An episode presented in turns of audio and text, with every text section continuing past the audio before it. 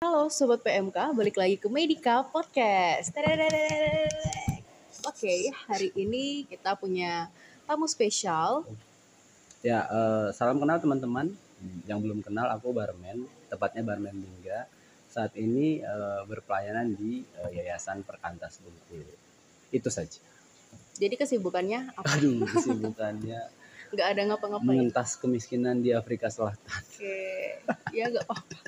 Enggak, enggak kesibukannya sebenarnya karena di Yayasan Perkantas jadi eh, melayani siswa dan mahasiswa. Secara spesifik aku melayani siswa di Kota Bengkulu di persekutuan siswa dan juga di sekolah-sekolah. Itu aja. Dan bantu-bantu pelayanan mahasiswa. Itu aja teman-teman. Oke, jadi hari ini kita bakalan bahas tentang insecure sama seperti yang eh, udah di-share di Instagram PMK Unip. Apa sih pertanyaan-pertanyaan kalian tentang hal-hal insecure? Dan kita udah punya 11 pertanyaan untuk dibahas di podcast ini sekarang. Itu Jadi- harus benar semua berarti ya sebelas. Enggak juga sih, maksudnya dijelasin aja gimana eh, apa pandangan pandangan Abang tentang pertanyaan ini gitu. Kita kayaknya langsung mulai aja kali. ya. Oke, baiklah. Dari nomor satu, kenapa aku tidak bisa menjadi orang lain? Ah, kenapa Ini tidak, maksudnya kayak kenapa aku tidak bisa menjadi orang lain? tidak bisa menjadi seperti orang lain kali Iya ya, rasanya kan. mungkin. Karena kan ngapain jadi orang lain? Iya, kita udah punya diri kita sendiri ya kan. ya mungkin katanya kenapa nggak bisa jadi seperti orang lain Nah. dalam hal apa ya misalnya dalam hal pendidikan studi atau kisah cinta dan Iya, lain sebagainya mungkin. ya mungkin karena setiap orang punya cerita berbeda-beda kali ya. Kalau Kali kata orang jalan jalan orang beda-beda. nah iya pertanyaannya justru gini kenapa harus sama gitu Iya. nah pertanyaannya justru ditanya balik kenapa harus sama Ya, apa yang harus sama ya teman-teman Terus lanjut Cepet ya.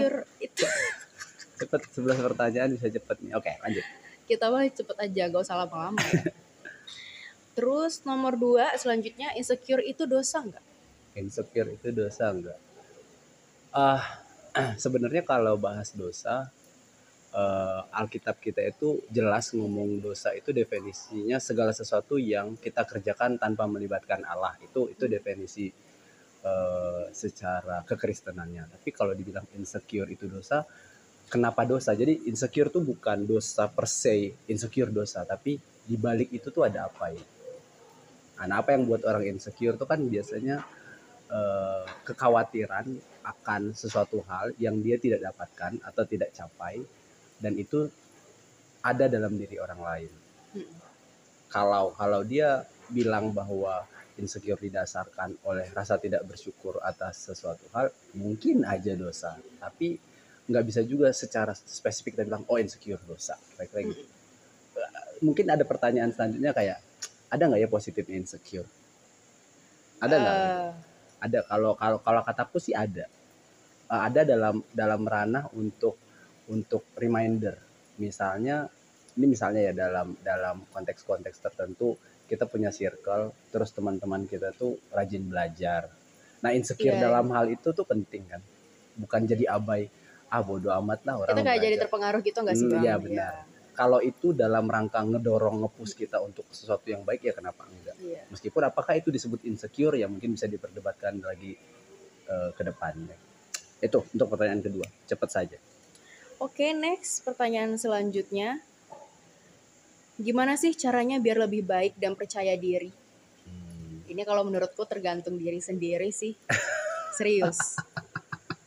dan dijawab oh iya benar Se- sebenarnya gini teman-teman kalau ngomongin insecure insecure itu kan sebenarnya ini negasi dari kata secure kan Hmm. Jadi secure itu artinya merasa aman, merasa nyaman. Nah, negasinya dari secure adalah insecure ketika kita merasa tidak nyaman atau tidak aman atau lebih tepatnya ketika kita merasa terancam eh, karena suatu hal. Apa itu? Bisa jadi karena kita terlihat berbeda atau kita eh, secara achievement itu nggak sama kayak orang lain. Lalu kita merasa tidak lalu kita merasa terancam. Nah, pertanyaannya kenapa kita merasa terancam terhadap achievement orang lain? Nah, kalau ini ini agak panjang agak filosofis ya. Jadi abad 17 itu ada filsuf namanya Arthur Schopenhauer. Eh, jadi dia tuh filsuf pesimisme. Dia bilang manusia itu eh, adalah makhluk yang terjebak dalam sirkulasi kehendak. Jadi manusia akan selalu punya kehendak, setelah kehendaknya terpenuhi dia akan punya kehendak lagi dan kayak gitulah sirkulasinya sampai dia mati. Gak bakalan pernah puas. Nggak ya? akan pernah puas. Nah, willnya itu nggak akan pernah puas. Jadi eh, Schopenhauer tuh menawarkan tiga solusi. Yang pertama eh, solusinya secara etis. Jadi untuk membunuh kita kan karena punya banyak kehendak itu kan menderita kan jatuhnya kan menderita. Bayangkanlah kita lihat teman kita udah punya banyak achievement, kita juga pengen akhirnya kita menderita karena itu. Tapi kalau kehendak itu terpenuhi, kehendak yang terpenuhi itu akan melahirkan rasa bosan dan bosan itu juga akan melahirkan penderitaan. Jadi tidak terpenuhinya kehendak dan terpenuhinya kehendak, keduanya melahirkan penderitaan. Itu kenapa Schopenhauer bilang ya hidup ini penderitaan. Maka dia ajukan tiga solusi. Solusi yang pertama solusi etis. Karena dunia ini penuh penderitaan, maka supaya kalian nggak menderita, nikmatilah hidup ini dalam hal etis. Berbuat baik ke orang lain misalnya. Agak panjang, tapi semoga teman-teman tahu strukturnya. Atau yang kedua, solusinya estetis. Supaya nggak menderita, teman-teman nikmatilah seni, bernyanyi, menari, dan lain sebagainya. Atau solusi yang ketiga, supaya teman-teman nggak menderita melihat pa- pameran achievement-achievement orang lain ini asketis.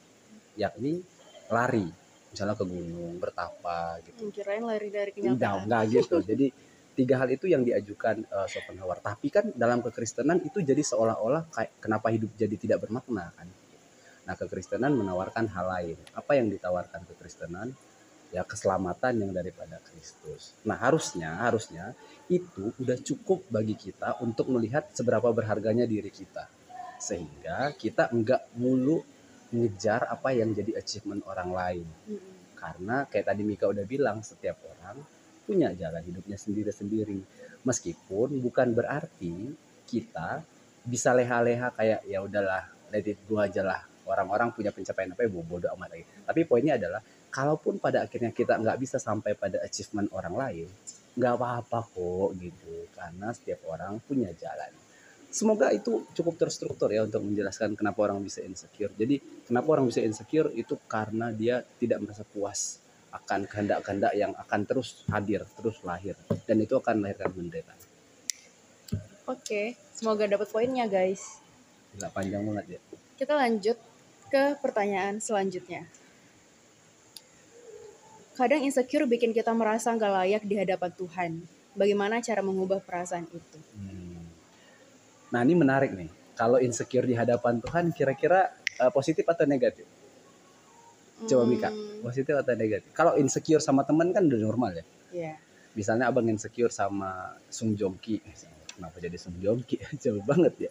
Karena Sung Joong Ki ganteng. Nah itu insecure. Tapi kalau misalnya tiba-tiba insecure di hadapan Tuhan. Menurut abang ini, satu sisi itu positif. Kenapa tuh? karena bagi abang eh, pertumbuhan itu pertumbuhan rohani seseorang itu diukur dari sebagaimana dia merasa tidak layak di hadapan Tuhan. Iya. Jadi semakin kita bertumbuh harusnya kita semakin sadar bahwa kita berdosa dan kita semakin tahu bahwa kita nggak layak di hadapan Tuhan. Siapa yang melayakkan kita? Ya Tuhan itu Tuhan. sendiri. Nah gitu poinnya. Nah tapi kalau insecure ini dalam rangka bahwa eh, semacam intimidasi bahwa kita kita bukan anak Allah, nah itu salah tuh. Nah, kadang-kadang dosa itu mengintimidasi kita sehingga kita selalu menjauh dari Allah. Pernahkah teman-teman berdosa yang secara konsisten kemudian melahirkan rasa enggan untuk bertemu Tuhan, misalnya kayak malas gereja, malas persekutuan. Karena apa? Ya karena aku masih berdosa. Nah, kadang-kadang itu iblis mengintimidasi kita, membuat kita merasa tidak layak untuk datang kepada Tuhan. Padahal dalam masa-masa berdosalah kita butuh Tuhan, Tuhan. harusnya, harusnya. Nah, itu kenapa kalau insecure yang tadi dalam dalam rangka gini, insecure yang ya aku ini nggak layak di hadapan Tuhan eh, dan aku butuh Tuhan itu bagus. Tapi kalau aku nggak layak di hadapan Tuhan, lalu kemudian kita menghindar, nah itu yang nggak bisa. Itu dia, itu dia. Jadi jangan menghindar karena kamu berpikir kalau kamu tidak layak di hadapan Iya, Allah. betul. Seperti itu. Next pertanyaan selanjutnya. Bagaimana cara mendekati dan memberikan nasihat bagi teman kita yang insecure? Ah, Ini agak sulit sih sebenarnya. Iya, iya. Eh, pertama begini, hmm, kita perlu membuat sebuah circle yang memang membudayakan orang-orang jadi dirinya sendiri. Hmm. Eh, kadang-kadang orang itu merasa insecure karena budaya circle kita pun begitu gitu. Jadi eh, begitu ada begitu ada seseorang yang eh, trying to be honest gitu. Jadi dirinya sendiri kita eh, datang dengan ejekan, datang dengan oh kenapa enggak gini, kenapa enggak gitu. Nah, Iya. akhirnya circle itu melahirkan semacam nuansa yang membuat dia tidak nyaman atau merasa asing. Makanya kalau dia bilang pertanyaannya kayak mana cara menasehatinya, menurut Abang pertama-tama mulailah dari melahirkan sebuah budaya dulu dalam circle, dalam circle kita. Apalagi ini konteksnya persekutuan ya. Apakah persekutuan kita itu udah cukup nyaman bagi setiap orang untuk jadi dirinya sendiri atau sebenarnya persekutuan kita itu adalah sebuah persekutuan yang budayanya memaksa orang menjadi seseorang yang lain. Mm-mm. Kalau udah kalau udah kita buat budaya yang seperti itu, abang pikir bahkan nggak perlu nasihat lagi, orang akan nggak merasa insecure.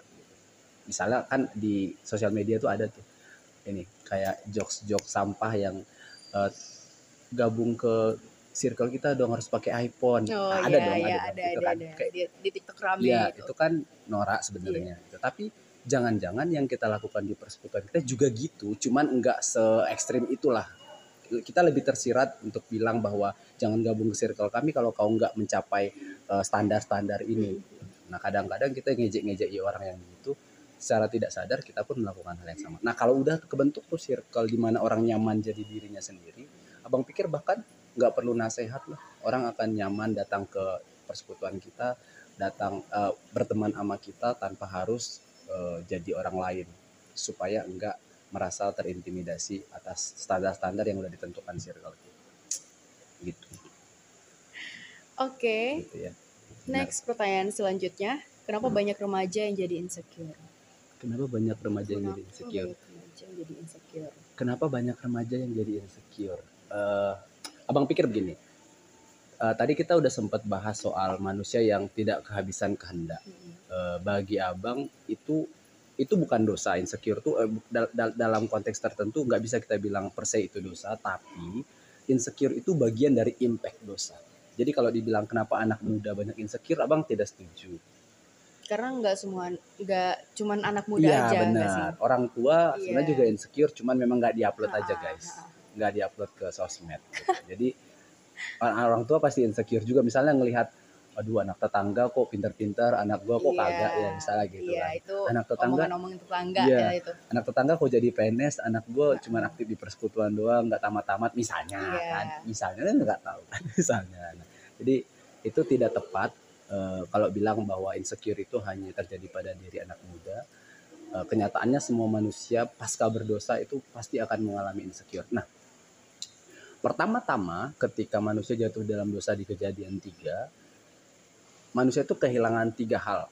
pertama perspektifnya melihat Allah manusia lari yang kedua perspektifnya melihat sesama. Jadi Adam yang sebelumnya bilang inilah tulang dari tulangku gitu kan waktu Hawa diciptakan.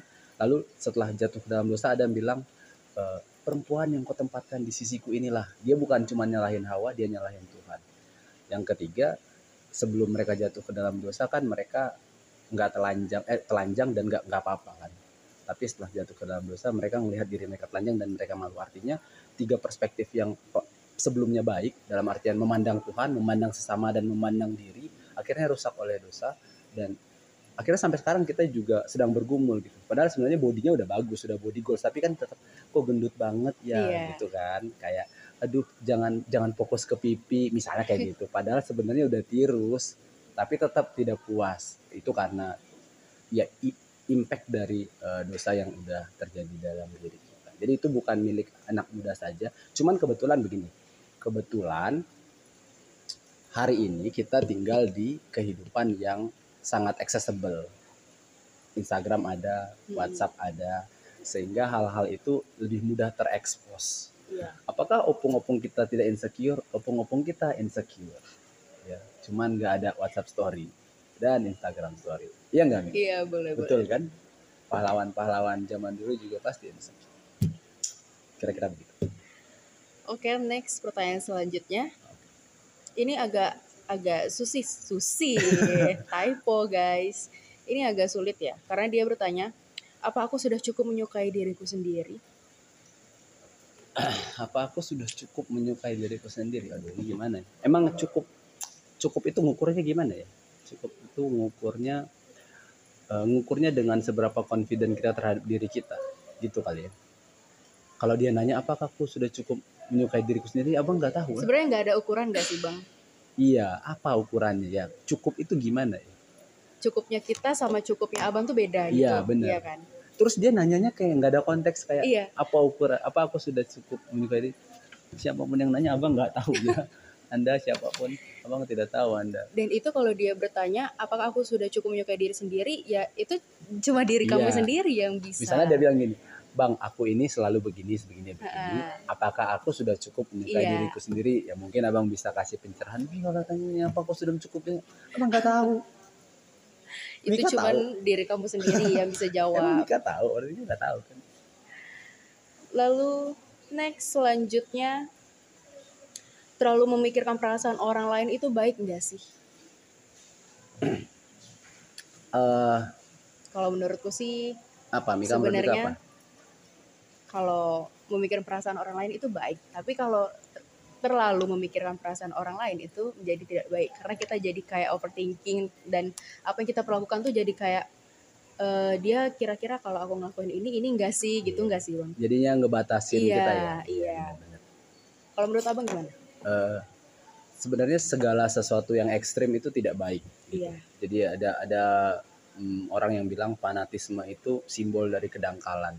Jadi kalau misalnya kita terlalu ekstrim memikirkan sesuatu, misalnya kita mikirin banget apa kata orang, pasti nggak baik. Mm-mm. Tapi nggak mikirin apa kata orang juga nggak baik. Iya. Gitu. Maka jalan di tengah-tengah lah yang paling baik melihat kondisi.